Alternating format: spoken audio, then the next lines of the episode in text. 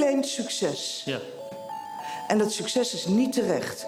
Ik, ik, begrijp, ik begrijp niet waarom u hier zo negatief en vervelend over doet. We zeggen, laten we blij zijn met elkaar. Voorzitter, ik zal Laat het u optimistisch precies uitleggen. Laten we zeggen, Nederland kan het weer. Die VOC-mentaliteit. Over grenzen heen kijken. Dynamiek. Toch? Denketi Kotti, Brada Sisa. De ketenen zijn verbroken, broeder, zuster. Ten Kondrai, tijden zijn veranderd. Denketi Kotti, Futru. De ketenen zijn verbroken, echt waar.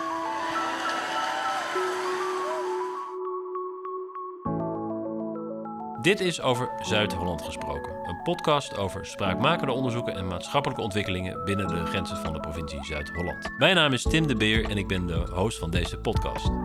Vandaag hebben we het over het slavernijverleden van Zuid-Holland, waarbij de belangrijkste vraag eigenlijk is: wat was de rol van de bestuurders bij het opzetten en instand houden van het koloniale rijk? Voordat ik de gast van vandaag introduceer, even heel kort waarom dit onderzoek is uitgevoerd. Het is begonnen met een motie van enkele Zuid-Hollandse statenleden die eh, de vraag opwierpen waarom we vlak voor 150 jaar herdenking van de afschaffing van de slavernij nog steeds geen onderzoek hebben gedaan naar de rol van de provincie Zuid-Holland naar het verleden. Hierover praten we met Garwan Fata Black, historicus en universitair docent aan de Universiteit Leiden. Zijn specialisme is vroegmoderne globalisering en het transatlantische slavernijverleden. Eh Carwan, welkom. We hebben afgesproken dat we tutoyeren, dus eh, gewoon je en jij. Ja. Dat is akkoord, hè? Zeker. Hartstikke fijn. Wij dragen de gruwelijkheid van het slavernijverleden met ons mee. De gevolgen daarvan zijn vandaag nog steeds te voelen in racisme in onze samenleving. Op 19 december vorig jaar heeft de minister-president namens de Nederlandse regering excuses aangeboden voor het feit dat mensen in naam van de Nederlandse staat eeuwenlang tot handelswaar zijn gemaakt, zijn uitgebuit en mishandeld. Vandaag sta ik hier voor u. Als uw koning en als deel van de regering maak ik vandaag deze excuses zelf. Hij bood niet alleen excuses aan, hij vroeg zelfs om vergiffenis. Ja, ja, en dat was denk ik wel echt een persoonlijke noot vanuit hem eh, en voor de familie. Eh, hij vroeg eigenlijk eh, om vergiffenis voor wat zijn voorouders niet hadden gedaan, wat ze hadden nagelaten om te doen. En dat deed hij denk ik ook omdat hij nog niet heel veel kon zeggen over wat ze wel hadden gedaan. Dat is een onderzoek dat nog, dat nog loopt. Hè. Een onderzoek naar de collectie, de, de private collectie van de familie, maar ook een onderzoek naar ja, de geschiedenis van, zijn, van zijn voorgangers. Dus daar zullen we ongetwijfeld later nog meer over horen. Maar hij heeft nu in ieder geval over het gebrek aan actie. Daar heeft hij ver- vergiffenis voor gevraagd. En wat ook wel heel bijzonder was, is dat hij een aantal zinnen in het Sranantongo heeft uitgesproken eh, in die speeches. Wat een, ehm, ja, een taal was die verboden was in de koloniale tijd, tot heel recent nog. Ehm, tot de onafhankelijkheid. En dat je ja, de koning in die taal eh, ehm, eh, ook bevestigt dat er een verandering in de lucht hangt, dat er tijd is voor verandering. Ja, dat maakte het wel tot, eh, tot gedenkwaardige speeches. Bijzonder. Ja, dan even naar een citaat van de Duitse dichter Heinrich Heine, die ooit zei dat als de wereld zou vergaan, zou hij naar Nederland gaan, omdat daar alles 50 jaar later gebeurt. Hè. En die uitspraak eh, had ook betrekking op de traagheid waarmee het abolitionisme, dus de, de eh, stroming om het slavernij af eh, te schaffen, in Nederland op gang kwam. Hè. Pas in 1863 werd de slavernij afgeschaft. Ook met het recht in de ogen kijken van het koloniaal verleden schoot het lang niet op, vond jij zelf. Hè? Dus eh, de, de scheepsjongens van, van de bond koe-achtige kijk op de slavernij, in jouw woorden, zou domineren. En de milde kijk op slavernij is een nieuwe religie. Eh, een ander citaat. Van ruim tien jaar geleden is dat geweest. Hè? Ja, ja. Een nieuwe religie. Dat was 2011, geloof ik. Hè? Ja. Dat, je het. Ehm, hoe dat, kan... de- dat citaat, het was geen citaat hoor, dat was de koppenmaker die ons uh, Ah. opiniestuk samenvatte, maar het, was wel, wel de het dekte wel de lading. Ja, Oké, ja. ja, dat... Nou, hoe kan het dan dat deze grote verandering in Nederland, een land dat sinds de jaren 60 van de vorige eeuw toch als progressief bestempeld is, eh, zo traag op gang komen? Ja, ik, ehm, nou, we, we zitten nu dus midden in een, een stroomversnelling en een verandering. ehm, en een besef op verschillende niveaus dat er, dat er toch iets niet goed zit. eh, ondanks dat er echt heel veel vooruitgang is geboekt, natuurlijk, eh, al sinds de afschaffing van de slavernij en ook in de periode daarna.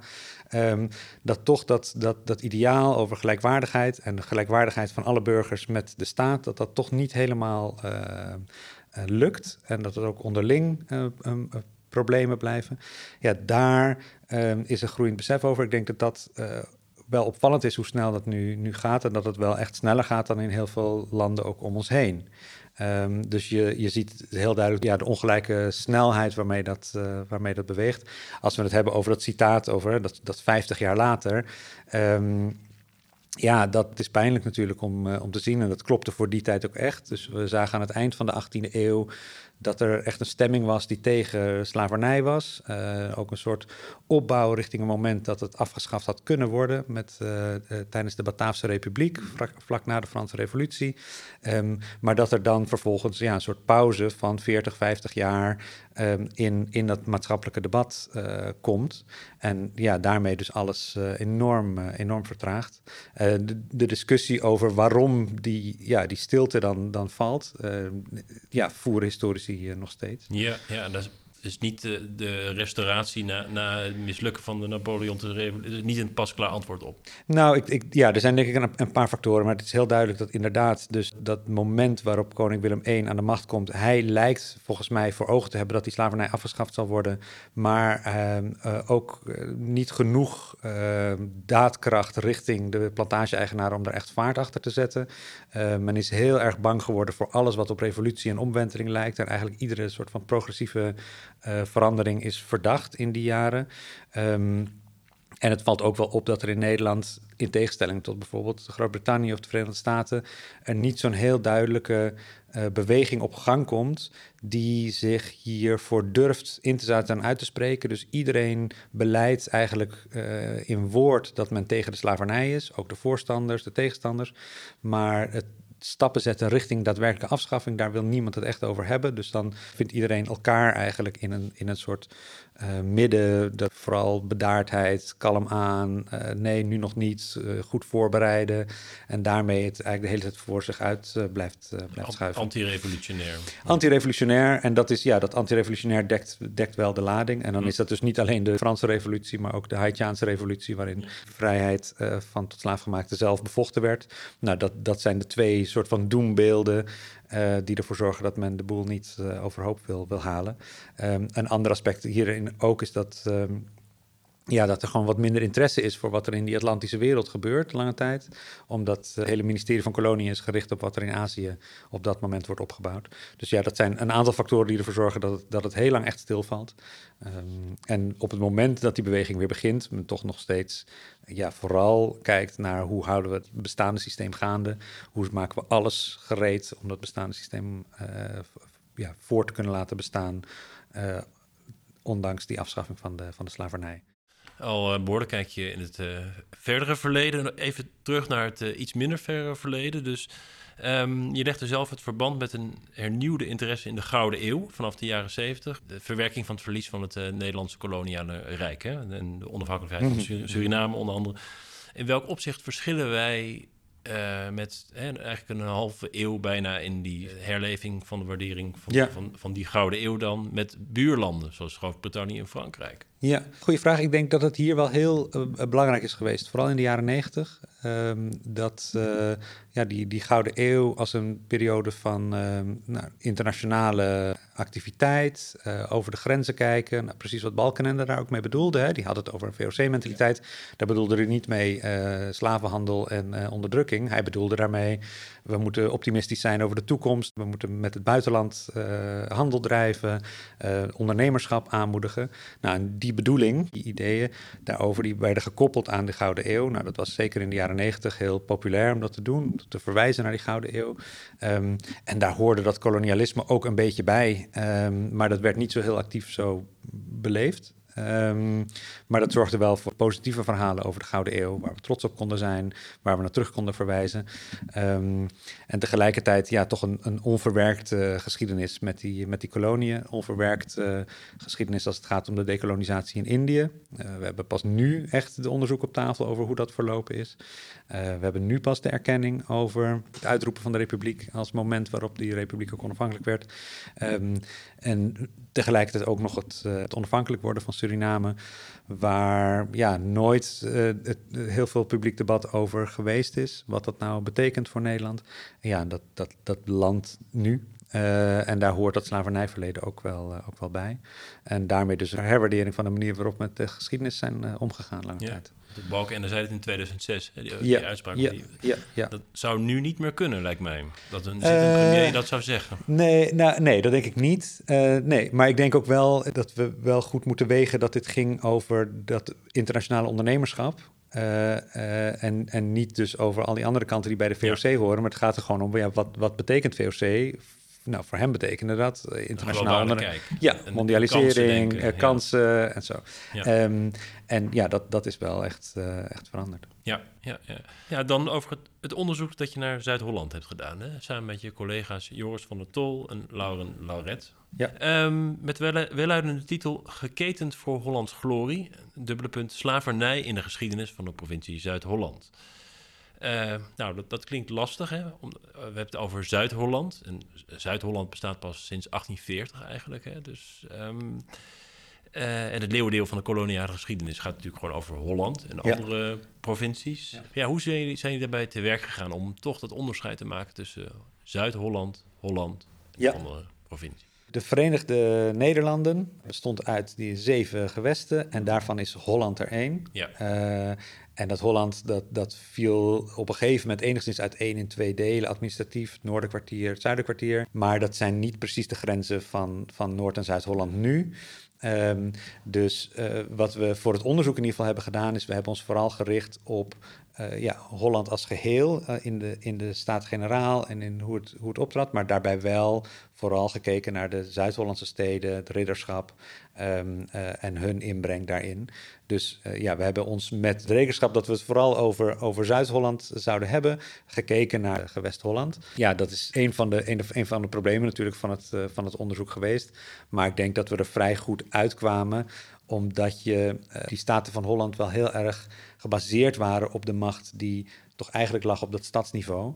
En de- dat stadsniveau dat verenigde zich rond die, eh, in die staten. En vanuit die staten werd vervolgens de Staten-Generaal eh, bespeeld. Ehm, het was een belangrijk niveau waarin, waarin de macht van die steden samenkwam.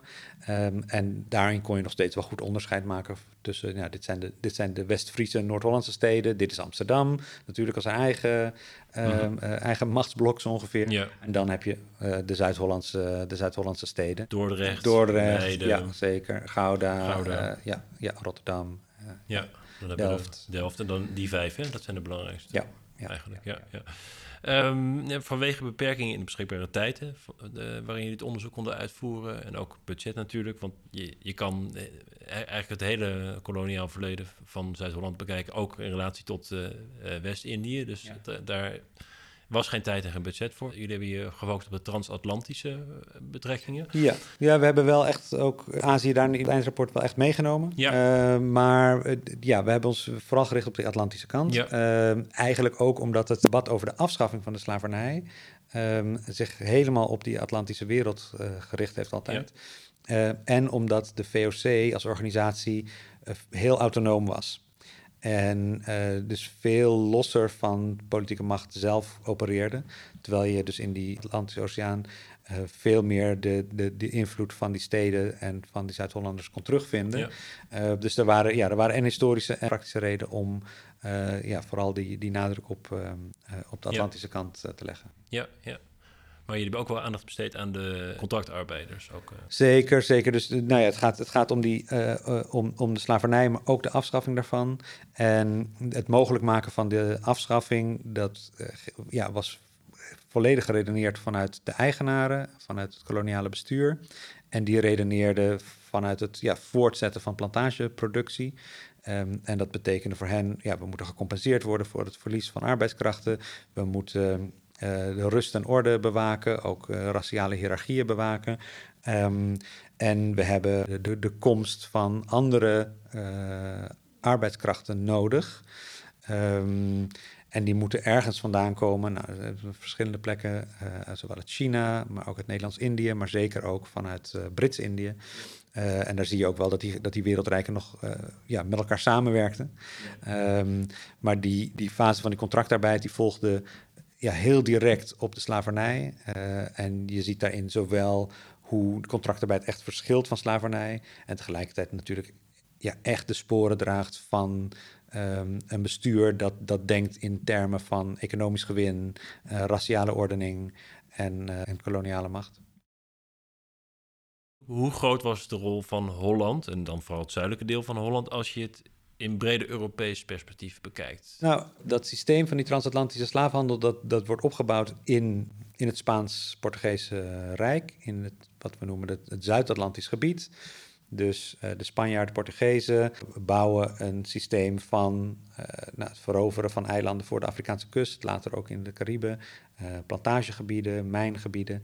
Um, en er worden tot slaafgemaakte mensen vooral vanuit het zuiden, het zuidelijk deel van de West-Afrikaanse kust naar bijvoorbeeld Brazilië en, en Centraal-Amerika gedeporteerd. Um, dus dat noemen we vaak het Zuid-Atlantisch systeem. Um, en daar breken de Nederlanders, als we ze even zo noemen, uh, breken daarop in en, en veroveren voortaan de Afrikaanse kust, veroveren plantagegebieden in Brazilië. En dat is het begin van uh, die, die, die, Nederlandse betrokkenheid. En daarin zie je dat Holland, ja, uh, samen met Zeeland, maar zeker ook Holland, uh, daar een stuwende kracht in is. Dus die bepleit van dit moeten we doen, hier moeten we in investeren. Deze strijd is uh, de manier om, de oorlog met Spanje te winnen, want dan snijden we ze af van hun zilvertoevoer. Uh, we verplaatsen het strijdtoneel naar een plek waar ze, waar ze niet zich kunnen verdedigen. en wij kunnen zelf ook zo'n winstgevend plantagesysteem gaan opbouwen. Dus, dus vanuit Holland en ook Zeeland wordt er echt ingebroken op dat, dat Spaans-Portugese systeem. Um, en daar blijft dus ook het zwaartepunt lange tijd uh, van die koloniale betrokkenheid. Um, dus daar, ja, daar zie je dat, uh, dat, dat goed in terug. Ja, nou, je hebt de, de ontstaansgeschiedenis nu al een beetje geschetst. Um, en welke spelers er waren, hè, daar zo. Vanaf het einde van de 16e eeuw tot het einde van de 19e eeuw nam het economische belang van de koloniën voor de Hollandse economie steeds verder toe. Uh, jullie schrijven in jullie onderzoek: Holland was een draaischijf waar langs goederen, kapitaal, arbeid en kennis tussen kolonie en de rest van Europa bewogen. Dus ja. dat is de metafoor van een draaischijf. Ja. Hoe fungeerde deze draaischijf? Wat we bedoelen als we het hebben over die draaischijf, is dat je uh, ziet dat er veel kennis en kunde zich verzamelt in Hollandse steden. Uh, Amsterdam natuurlijk, maar zeker ook Leiden, zeker ook op andere plekken.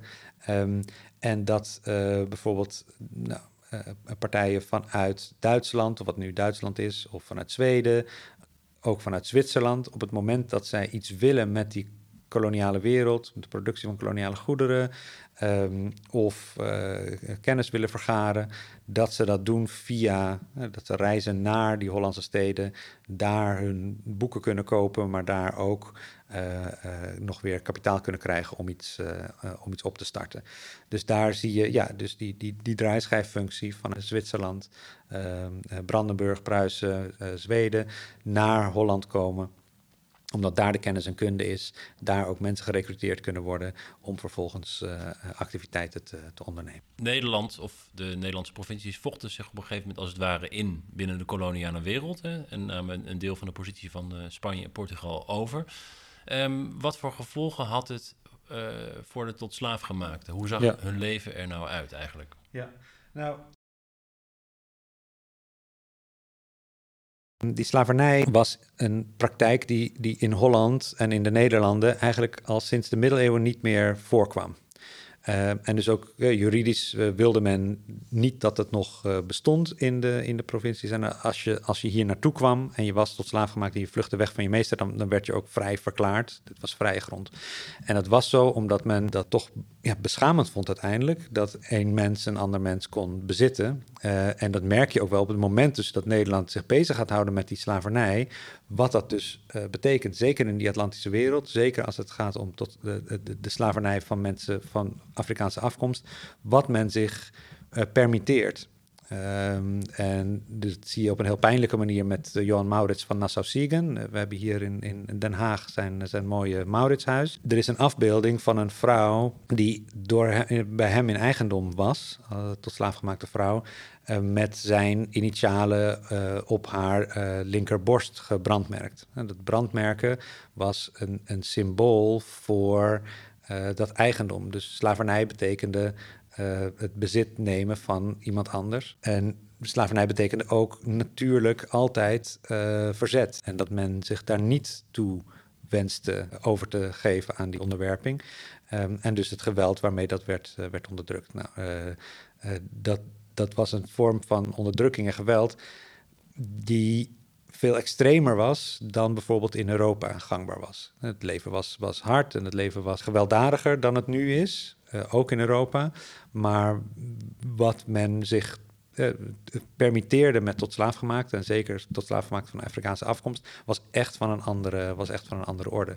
En dat was allemaal in dienst van nou ja, de, de, de plantage-economie en het dus dwingen om onderdanig te zijn in een productieproces. Um, maar het waren wel twee dingen die niet altijd helemaal met elkaar rijmden. Dus er werd ook wel. We hebben uh, lang is er wel gezegd van ja, het kan niet heel slecht geweest zijn aan boord van die slavenschepen, want um, dat was economisch niet handig. Of je kon mensen natuurlijk niet de hele tijd uh, doodslaan, want dan uh, kon die plantage niet drijven. Maar dat is niet helemaal hoe het werkt. ja, er is uitbuiting ehm, en, en productie, en et cetera. Maar er is ook nog zoiets als het opleggen van die slavenstatus bij mensen. En dat is iets dat altijd heel erg gewelddadig is. Um, omdat het gewoon simpelweg niet geaccepteerd wordt. Um, dus dat permanente geweld is die hele slavernijgeschiedenis daar, daar onderdeel van. Uh, en dat betekent dus dat je van eh, de, mensen die een plantage in eigendom hebben, um, daar hebben we uh, in, de, in de inventaris van de goederen van die plantage zit dus het, het brandmerk met de initialen van die mensen. Um, ja, dat zijn volgens mij feiten over die, over die slavernij die iets zeggen over wat men zich permitteerde. Uh, en nou ja, ik denk dat we, dat we heel erg dankbaar mogen zijn dat, dat dat dus niet meer bestaat, dat dat is afgeschaft. Um, maar dat was wel ja, deel van die, uh, van die wereld. Wat was de gemiddelde levens verwachting nou voor een uh, tot slaafgemaakte? Uh, laten we het, het hoogtepunt, uh, dieptepunt van zijn de mensen die aankomen in, in Suriname of in het Caribisch gebied, moet ik zeggen. Is de levensverwachting van de mensen die aankomen ongeveer vijf tot zes jaar. Dus echt heel kort. En dat zijn vaak dus mensen die richting volwassen leeftijd zijn. Vaak nog wel kinderen, maar. Nou, um, en ja, mensen konden in slavernij heel oud worden. Uh, zeker als ze in een plantagekolonie geboren waren, kon je heel oud worden. Maar de, de, de sterfte is uh, enorm. Dat is een permanent achteruitgang eigenlijk van die lokale bevolking. Uh, die alleen maar ja, in stand gehouden kan worden door die permanente, permanente slaafhandel. En dat verandert pas tegen de, de, midden van de 19e eeuw. Dan zie je een soort kanteling en dan worden dat gemeenschappen die ongeveer stabiel blijven, maar die nooit zullen gaan, nooit zullen gaan groeien. Uh, wat wel iets zegt over, over de omstandigheden waarin men uh, leeft. Uh, en dan gaan we eigenlijk rechtstreeks door naar de contractarbeid, de fase mm -hmm. van contractarbeid. Ja. Hoe waren de omstandigheden voor de contractarbeiders? Um, nou, de, ja, contractarbeid is echt iets anders dan slavernij. Dus de mindset van de bestuurders is erg hetzelfde. Het moet economisch winstgevend zijn. Mensen uit de tropen zijn geschikt om dit werk te doen. Maar er zijn ook wel ideeën over verschillen. En men heeft het idee van ja, mensen die uit bijvoorbeeld Brits-Indië komen, die zijn geschikt voor kleine landbouw. Um, en dus uh, ja, men, men, wordt op diezelfde plantages, waar nou, de omstandigheden echt slecht zijn, om men terecht. Maar men komt daar terecht voor contracten van een aantal jaar. En daarna eh, nou, blijft men vaak op die plek of krijgt men een andere plek toegewezen waar kleine landbouw kan worden bedreven. Dus je ziet het denken over raciale hiërarchieën heel vergelijkbaar is. En tegelijkertijd is er wel echt een andere uitgangspositie aan het eind van die, uh, van die contracttijd. Uh, je stelde net dat er veel verzet was bij de tot slaafgemaakte natuurlijk. Uh, ja. als, want geen mens accepteert Mhm, om uh, klakkeloos in slavernij genomen te worden. Ja. En dat er regelmatig opstanden plaatsvonden natuurlijk Ja. op de plantages. En, uh, en later ook bij, uh, bij onder contract. Zeker, zeker onder contract. Hoe reageerden de bestuurders over het algemeen Ja. op dergelijke opstanden? Ja, ja dus de, dat, de, de, de mogelijkheden van verzet zijn heel divers. En kunnen alle kanten op gaan. Dus mensen kunnen ja, voor zichzelf zich, zich terugtrekken, proberen om te overleven. De overleven is al bijna een vorm van verzet. Maar je hebt natuurlijk ook ja, het meer iconische, massale opstanden. En wat opvallend is eh, aan, aan die opstanden en de reactie erop van de bestuurders in Holland, is dat de bestuurders in Holland enorm bereid zijn om, in, om grote sommen geld uh, te steken in het neerslaan van opstanden. En dus uh, vooraan staan om bijvoorbeeld leningen uit te schrijven, zodat er meer troepen kunnen worden betaald om die opstanden neer te gaan slaan. Veel meer dan dat die koloniën in, in belastinggeld opleveren. Dus men heeft wel door van ja, we moeten kosten wat het kost die koloniën behouden op het moment dat er een opstand uitbreekt. Ook als dat uh, nou ja, uh, staathuishoudkundig nou niet heel erg logisch is. Die opstanden zijn duidelijk een bedreiging. Uh, en men is be bereid die, die neer te slaan. Dit zijn niet die grote opstanden, zijn niet per se de, de, de meest effectieve manier van mensen in slavernij om vrij te worden. Dus uh, wegvluchten of proberen ja, toch via de marges van het systeem te overleven, zijn, zijn waarschijnlijk effectiever. Uh, maar ja, het is niet gek dat er af en toe dus enorme opstanden uitbreken. Waarin men uh, probeert dus ja, de, de, de, de, de kolonisten te verdrijven of een eigen, eigen samenleving te, te stichten. Nou, veel van de bevindingen in het onderzoek komen waarschijnlijk niet als een verrassing voor je, want uh, je hebt wel meer dan eens uh, soortgelijke onderzoeken uitgevoerd. Hè? En, uh, en waarin Holland, en ook zuidelijke Holland natuurlijk gewoon ook een elementaire rol in speelde. Als je dan één ding mag kiezen, wat heeft jou het meest verrast in dit onderzoek? Nou, ik, ik vond het wel echt verrassend wat, wat het, het provinciale niveau betekende. Okay. Dus dat was, die, die onderzoeken zijn vaak gegaan op het, op het niveau van steden of families. Uh, er is ook wel een nationaal onderzoek. En dat, dat natuurlijk een beetje omdat die natie niet op die manier bestond. Die staat ook nog niet bestond. Maar dat je dus ziet dat op dat niveau van die provincie zoveel bij elkaar gebracht werd. Uh, in die staten van Holland. Dat de raadpensionaris ook echt interveneerde daarin. Uh, zijn positie ten opzichte van zijn nou ja, collega's in de andere provincies ook gebruikte om steun te bieden aan het koloniale rijk. Ja, dat vond ik wel vond ik opvallend. Wat toch altijd verrassend blijft, is als het gaat om, um, uh, om de buitenhuizen en de kastelen, dat het eigenlijk niet uitmaakt waar je komt, maar als je dus een klein beetje in die geschiedenis gaat graven, dat er altijd ineens zo in, ergens in de 18e eeuw een koloniale connectie tevoorschijn, uh, tevoorschijn komt. En dat zegt ook wel iets in hoe diep vervlochten dat was met, die, uh, ja, met, met, met de opbouw van welvaart en uh, prestige en macht in dat, uh, in dat gewest. Dus ja, de, de, dat opbouwen van het koloniale rijk, dat had macht nodig en, en, en het leverde ook nog weer meer, meer op. Dus dat provinciale niveau, die buitenhuizen, die kastelen, dat waren wel de dingen die, die het meest verbaasden. Ja. Zelf vond ik ook saillant uh, dat jullie schreven dat uh, de stedelijke vertegenwoordigers uh, in Holland ook een opmerkelijke geografische, topografische kennis van, van West-Afrika leken te hebben. Hè? De, ja, dus ja, ja, ja, dat was ja. ook een duidelijke ja, indicatie. dat hadden we hè? niet verwacht. Ja. dat gaat dus niet alleen maar over slavenhandel. Dat, dat moet ik wel dan even zeggen. Dat, we, we zijn door de maatschappelijke aandacht worden we natuurlijk steeds gedreven naar ja, heeft het met slavernij en, sla- en slavenhandel te maken. Uh, terwijl dat ja, was onderdeel van, van hoe die wereld werkte. Ja, dat was niet geïsoleerd van de andere activiteiten. Uh, maar we, ja, we vonden het wel opvallend dat we steeds ook weer en belangstelling en carrières en uh, handelsondernemingen richting West-Afrika zagen vanuit die Hollandse steden. Wat we ook niet zo verwacht hadden als een specifieke activiteit. Want je denkt, ja, dit is gericht op de plantagekoloniën in de Cariben en, uh, en uh, Zuid-Amerika. Maar dat er dus ook wel ja, een, een, een, aanhoudende belangstelling was voor, voor West-Afrika. Ja. Ja, ja. Ook in het opbouwen van museale collecties later. En zo. Ja, ja. En een begrip als tropenjaren, hè, dat eh, vindt eigenlijk ook zijn oorsprong hè, in, eh, Zeker, in deze. Hoe, hoe werkt dat precies? Tropenjaren tellen dubbel, is de, Ja, is het ja, die is bekend, ja. eh, dus, en, en dat, maar dat gaat denk ik ook veel over Indië. Maar eh, in het opbouwen van Nederlandse bestuurlijke elite, het uitzenden van iemand naar eh, tropische gebieden, geldt als ja, een plek waar je echt ervaring op doet. Ze tellen dubbel omdat het eh, zwaar is, eh, maar ze tellen ook dubbel omdat je daar leert om, eh, om de wereld te, te regeren en te besturen. En dan na de tropenjaren keer je weer terug Kun je weer terug Holland en dat, om daar je carrière te Om daar je carrière te vervolgen. Ja. Ja, ja en dus, dat zagen we in het onderzoek, hebben we dat gezien in het begin van de 18e eeuw. Eigenlijk mensen die een beetje vastlopen in hun, in hun maatschappelijke carrière, die dan over zee zich bewijzen. Ehm, daar of in koloniaal bestuur of in plantageonderneming of allebei geld verdienen, hun, hun naam opbouwen en dan terugkeren en een maatschappelijke carrière hebben. Ehm, laat in de 18e eeuw verandert dat een beetje. Dan worden het mensen die ook daar zijn opgegroeid, die dan naar Nederland gestuurd worden. eh, en die dus met het, het vele geld dat er verdiend wordt op die plantages, eh, vervolgens hier eh, verder kunnen bouwen aan hun, aan hun opleiding en vervolgens carrière.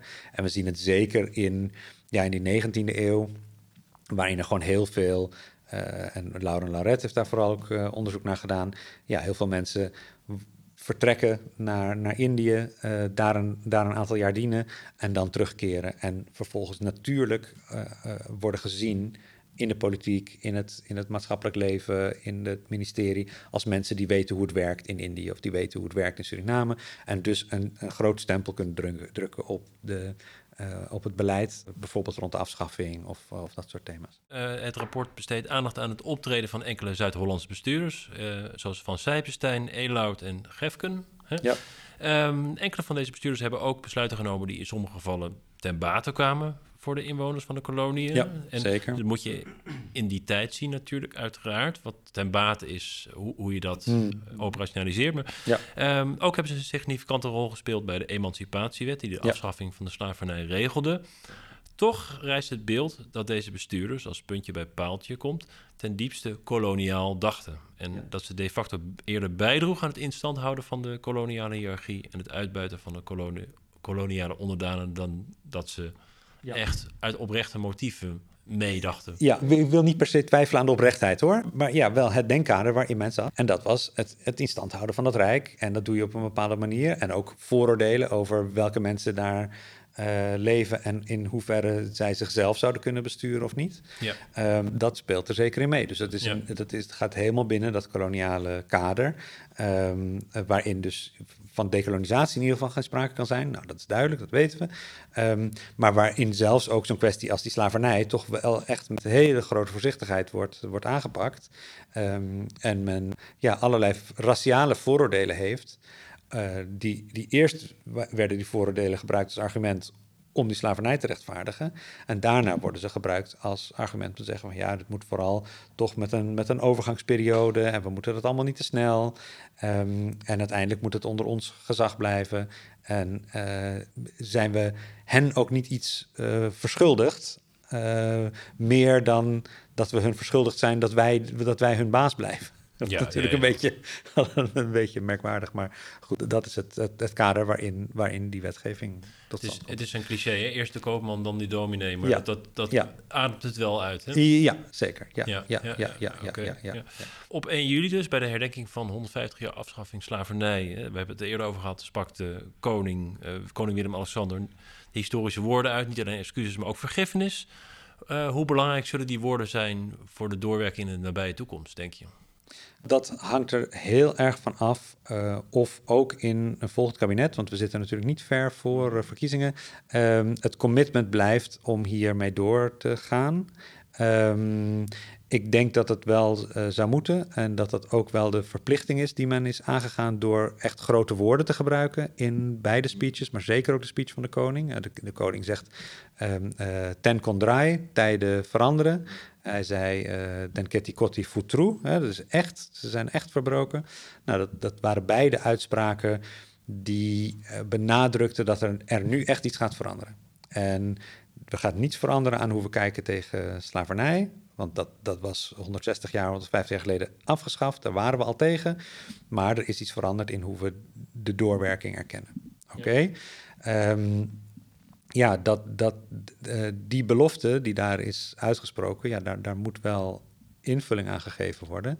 Eh, en ik denk dat er een maatschappelijke eh, draagvlak daarvoor er is. Uh, en dat dat ook wel zal toenemen, nu deze woorden zijn gesproken, nu er ook een museum komt, er heel veel activiteiten zijn, de Kitty Kotti dialoogtafels op tal van plekken, uh, meer dan er ooit, uh, ooit geweest zijn. Dus dat er ook veel meer wederzijds begrip ontstaat over deze thema's. Maar ja, dat moet dus niet nu stilvallen. nou, tot slot, jullie onderzoek richt zich op het verleden en er volgen nu nog twee onderzoeken in opdracht van de provincie Zuid-Holland naar de ervaringen, wensen en behoeften. Eentje dus naar het heden. Uh, de doorwerking van, de, van het slavernijverleden op nazaten van mm -hmm. tot slaafgemaakte en contractarbeiders. Dat is er eentje, uitgevoerd door Verwij Jonker. En nog eentje naar de mogelijkheden om van een verdeeld verleden naar een gedeelde toekomst te komen. Uitgevoerd door RESPO. Um, jullie doen aan het eind van jullie rapport nog enkele aanbevelingen voor vervolgonderzoek, voor historisch vervolgonderzoek. Hè? Ja. maar deels bieden jullie ook enkele praktische handvatten op provinciaal niveau. Uh, kan je even kort schetsen welke de, de, dat ook weer zijn? Nou, wat, uh, kijk, je kan, je kan altijd meer onderzoek doen. Ja. Uh, dat is leuk. Dat is altijd dat doen we graag. aanbeveling. ja, een standaard aanbeveling. Gewoon, meer gewoon meer onderzoek. Ja. Dat is goed, maar ik denk dat het, dat het ook wel echt belangrijk is dat het onderzoek landt ergens. Um, en dat het dus niet gaat om kunnen we meer mensen in, in, in studeerkamers aan het werk hebben. Maar maak je dit echt onderdeel van het, het verhaal van de provincie en de, de, de, de manier waarop de, de provincie zich presenteert als een historische entiteit. Uh, die gegroeid is mede dankzij het koloniale verleden, waar deel van de mensen die in die provincie leven, ja, uh, hier zijn om, omdat de provincie vroeger ergens anders uh, actief was. Um, en dat, ja, dat, dat kan, denk ik, in, in, als het gaat om erfgoed, maar nou ja, de, de, de, de zelf Um, de presentatie van de eigen historische identiteit, ja, daar zou je dat echt een onderdeel, een vast uh, onderdeel van, uh, van, van moeten maken. En dan gaat het over de meer nou, uh, maatschappelijke, sociologische aanbevelingen. Ja, daar, daar zijn de andere instituten echt, uh, echt beter voor toegerust. Ja, ja. Um, maar als het gaat om het historisch verhaal, denk ik dat daar, dat daar echt wel mogelijk is. Het historische verhaal vooral, ja. ja, ja.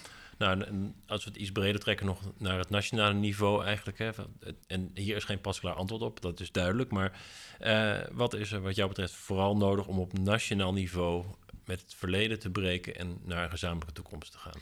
Nou, ik denk dat het heel goed is als we ons, ons bewust zijn van de historiciteit van tradities, ideeën ook die we hebben over onszelf. En dat we zeker als instituties of, of tradities of um, verwijzingen koloniale oorsprong hebben of, of afkomstig zijn uit een tijd dat Nederland nog een koloniaal wereldrijk was, dat we daar dan even bij stilstaan ons afvragen of daar dus um, uh, sporen van ja, raciaal denken impliciet of soms heel expliciet, maar ook impliciet in zitten.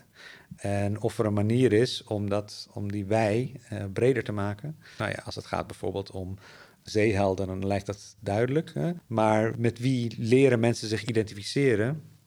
Ik denk dat we ons in deze tijd veel meer zouden kunnen en mogen en moeten identificeren met mensen die in opstand kwamen tegen slavernij. Uh, dan met de, de, de houdegens die dat neer, uh, neersloegen. Nou, kan dat? Hoe doen we dat? Dat, dat zijn denk ik wel de, de, de vragen. Ja, ja. ja. Karma Vatterplek, mag ik je bedanken voor dit uh, interview. Graag gedaan. Bedankt voor het luisteren. Dit was Over Zuid-Holland gesproken.